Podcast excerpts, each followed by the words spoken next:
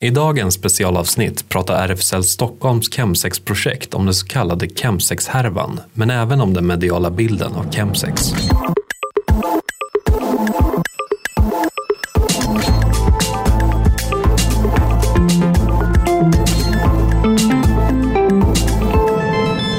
Välkommen till Sexperternas podd. Idag så har vi ett litet specialavsnitt med tanke på den så kallade Chemsex-härvan. Jag heter Emil och med mig har jag dig.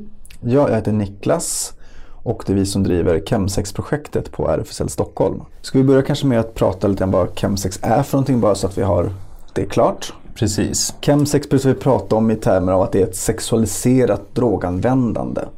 Det vill säga att man tar droger för att göra sexet skönare, bättre eller kunna göra det på ett sätt som man kanske inte kunnat gjort på andra sätt. Ofta pratar man om att chemsex är nytt och jag kan bli lite irriterad på att det pratas om att det är det nya som händer, det spännande som händer, det konstiga som händer, det farliga som händer. Mm.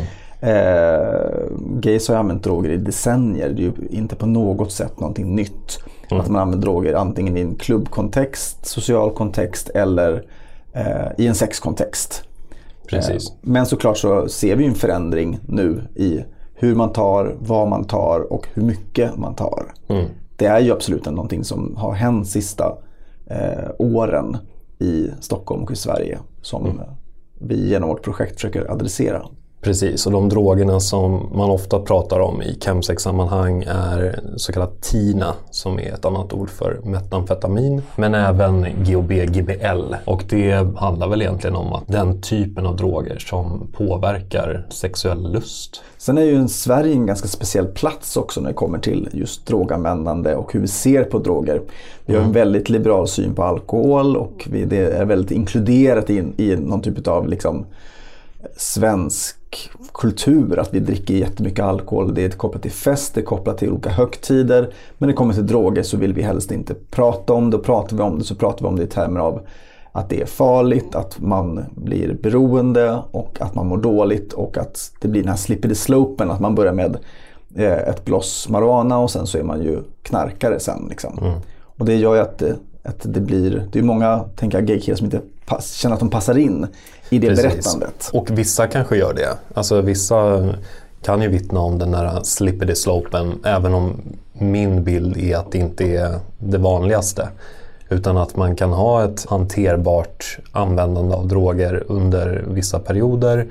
Men sen kan det hända saker och att det då kan bli destruktivt på något sätt. Ja, för du träffar ju killar som använder droger.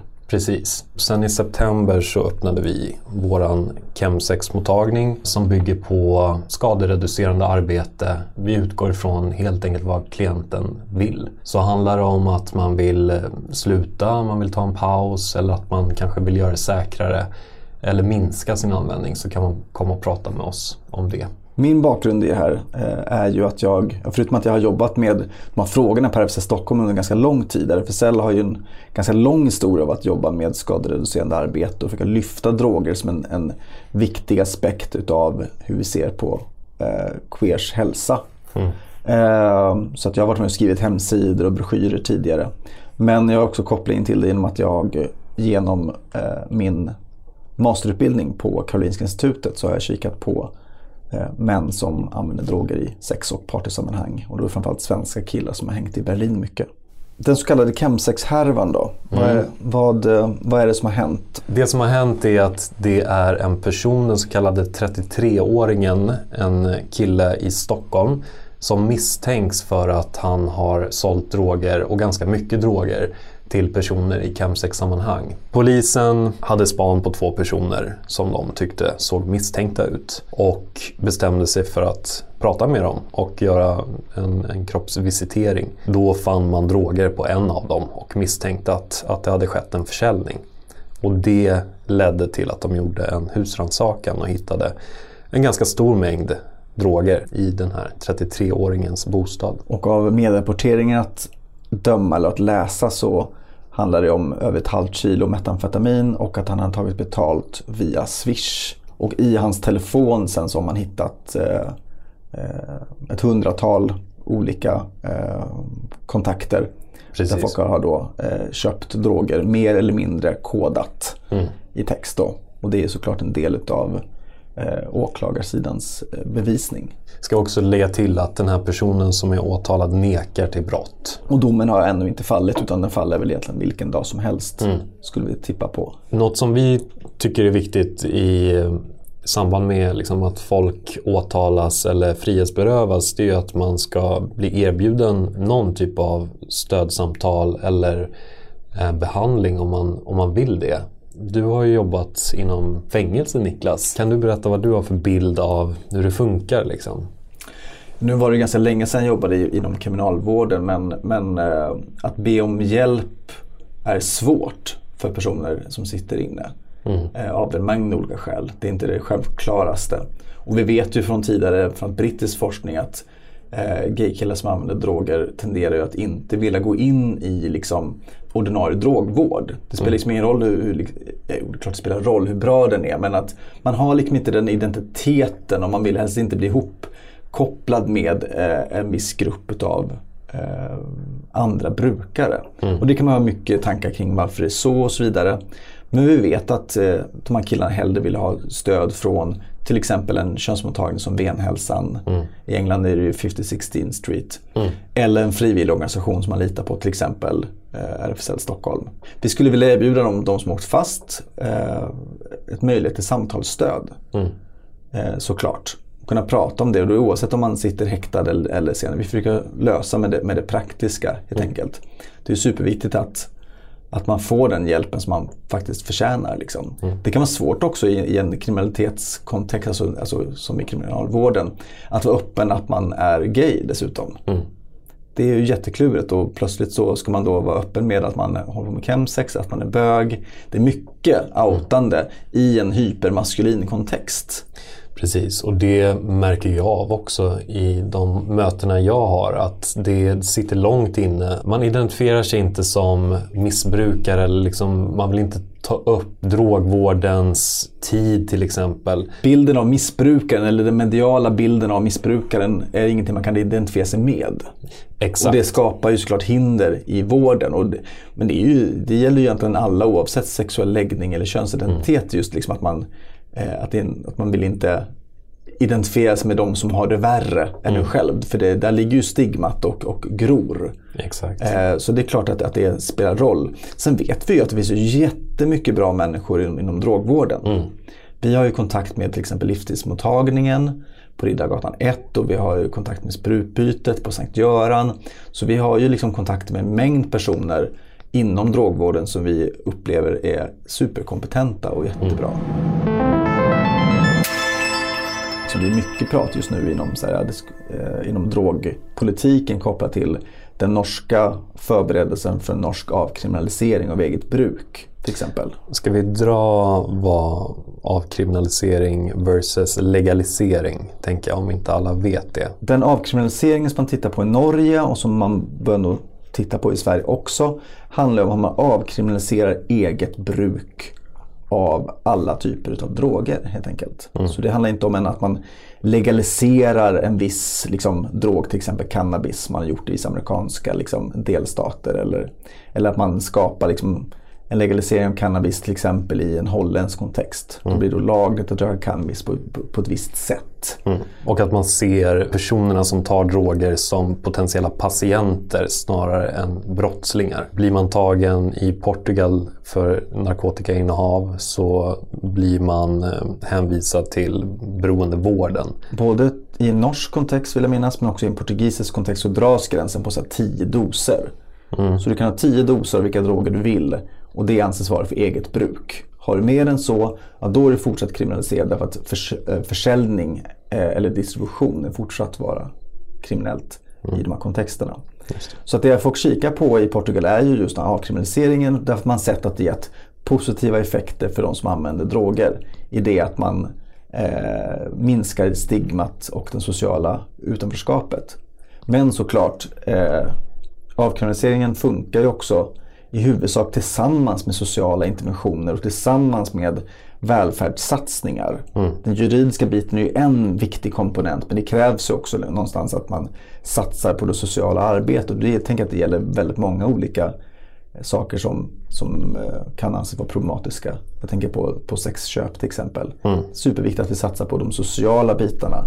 Men det är någonstans väldigt poppis att vi pratar kriminalitet och straff och långa straff. Hårdare tag. Hårdare tag. Det är politisk vilja för att visa att vi tycker inte att ett visst fenomen är moraliskt riktigt eller korrekt. Precis, signalpolitik. Signalpolitik. Så att eh, avkriminalisering eh, är det som är på, på agendan och eh, nu har ju socialutskottet sagt att vi ska se över svensk drogpolitik. Alla partier är för det. Mm. För det har aldrig gjorts någon faktisk utvärdering av det. Så det har ju såklart fått en väldigt mycket liksom, en, eh, mediaplats såklart. Men där har det också varit att det är ju fortfarande den här, den här konstiga liksom, att någon säger Eh, Jonas Sjöstedt tror jag sa att eh, man skulle avkriminalisera för att stävja gängvåldet. Och då var det då någon ledarskribent på någon mindre tidning som skrev att här, jaha, Jonas Sjöstedt har blivit knarkliberal. Mm. Det är den så perfekta härskartekniken eh, för att då eh, undergräva någons liksom, agenda. I att kalla personer då för liberal, för det är oftast det värsta man kan tänka sig om någon är liberal. Eh, men det är en spännande, liksom, varför man nu gör det, varför man inte försöker förstå istället. Men det är ju någonting som har legat väldigt djupt i politiken under väldigt många år. Så att det är ändå imponerande tycker jag att, att det har gått relativt snabbt senaste tiden. Och där tänker jag att det går inte att underskatta. Jag menar, det faktum att Norge har haft den här processen under ett par års tid och så kommer rapporten då i december 19. Det går liksom inte för att, att bortse från att ett, ett land som ligger oss så nära geografiskt, kulturellt som Norge plötsligt säger det här måste vi se över. Norge har ju, liksom, har ju tagit efter svensk politik har jag uppfattat det som. Att den här politiken har ju någonstans skapats i Sverige och sen så har den hamnat i Norge. Lite som sexköpslagen. Skapas i Sverige, hamnar i Norge. Ja, oavsett så, så har det har gått fort. Och jag tycker att från att den kom till att vi i, i eh, februari 2020 ändå har det här på agendan är ju jättepositivt. Men I och med rättegången, men egentligen ända sedan i höstas upplever jag att det har blivit en större, ett större medialt genomslag kopplat till Chemsex. Ett större samtal ändå medialt kring Chemsex. Där vi blir tillfrågade att uttala sig men det finns också andra personer som har uttalat sig. Det är poliser såklart har pratat en hel del. Eh, det har varit mycket fokus på Grindr och att det säljs och köps på Grindr till exempel. Men också personer som har ägnat sig åt chemsex som pratar om, om sina erfarenheter. Precis. Och överlag tycker jag att det är bra att det blir ett medialt samtal kring någonting. Eh, det skapar nog en, en, jag tänker att det är en ökad öppenhet förhoppningsvis skapar en bättre dialog om vad det innebär och att folk kan känna igen sig. Och de som någonstans vill söka stöd och hjälp kan göra det och de som inte vill det, ja men du vill bara gå vidare liksom. Sen kan jag tycka ibland att den mediala bilden blir lite så begränsande. Jag tycker att det har varit ganska mycket fokus på att man gjort massa kopplingar mellan, mellan liksom HIV och könssjukdomar och chemsex, vilket såklart finns, det vet vi. Inte minst 2018 såg ju Venhälsan en tydlig koppling mellan chemsex och HIV-överföring. Det var 19 procent såg man som hade en koppling till just chemsex. Däremot så ser man inte det 2019 och det beror väl på att PREP har kommit in i Region Stockholm. PrEP är alltså den här förebyggande medicinen som skyddar mot HIV-viruset med över 99 procent. Som man kan få eh, under högkostnadsskydd på Venhälsan. Yes. Dock lång väntelista, ett år.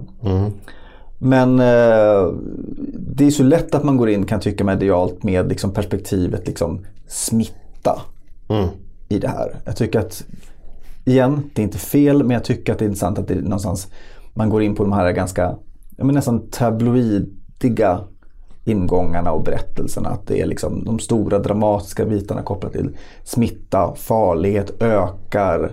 Eh, och det hänger väl ihop med, tänker jag, ett, ett större samtal just nu eh, kring droger som är kopplat till gängvåld. Och sådana saker. Att jag är inte förvånad att, att man, man skapar ett, man, att man framar ut utifrån det. Men såklart så är det mycket man tappar. Precis. Det, det är ju ett superkomplext ämne, chemsex. Sen förstår jag också att journalister söker klick numera. Och att de intervjuerna som, som jag har förekommit i, där har jag verkligen fått en känsla av att det, det är riskerna som, som journalisterna är ute efter.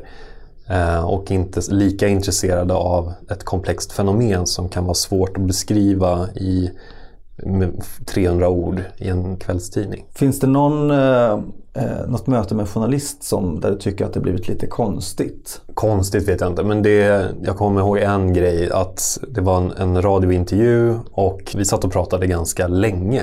Så det var inte live? Det var inte live. Vi pratade om bakgrundsfaktorer, vi pratade om prepp och när inslaget kom så var det liksom att de hade klippt ut att jag sa att det låg sprutor på dansgolvet. Och man fick känslan av att man liksom nästan vadade fram i kanyler på dansgolvet på gayklubbar i Stockholm. Och det var inte alls i den kontexten jag hade sagt det. Vi har en lite mer nyanserad bild av fenomenet än att det bara är sprutor och hiv och könssjukdomar. Men det, det ryms sällan i intervjusammanhang. Men jag tänker att det, det, handlar ju som, som, du är inne på, det handlar ju om vilket nyhetsvärde någonting har. Mm. Eh, det ligger liksom inom ramen för liksom, eh, pressens intresse. Mm. Vi förstår ju också reglerna eller själva grundförutsättningarna för fri journalistik. Mm. Så att, men vi är ju också i en situation att vi måste lita på att det blir bra. Mm. Och vi kommer ju heller aldrig hamna i en situation, eller vi kommer inte försätta oss i en situation att vi kräver att få granska intervju. Pressen måste vara fri. Och då kan inte vi gå in liksom och göra och detaljstyra. Mm. Bara för att vi tycker att vi kommer med ett bredare perspektiv. Mm. Och vi gör ju vårt bästa också att helt enkelt också utbilda vården i Stockholm så mycket vi bara kan. Mm. Eh, för att ge den ja, en, en mer komplex bild. Eh, så vi har ju utbildat ungdomsmottagningar, könsmottagningar, eh, några beroendeenheter mm. också.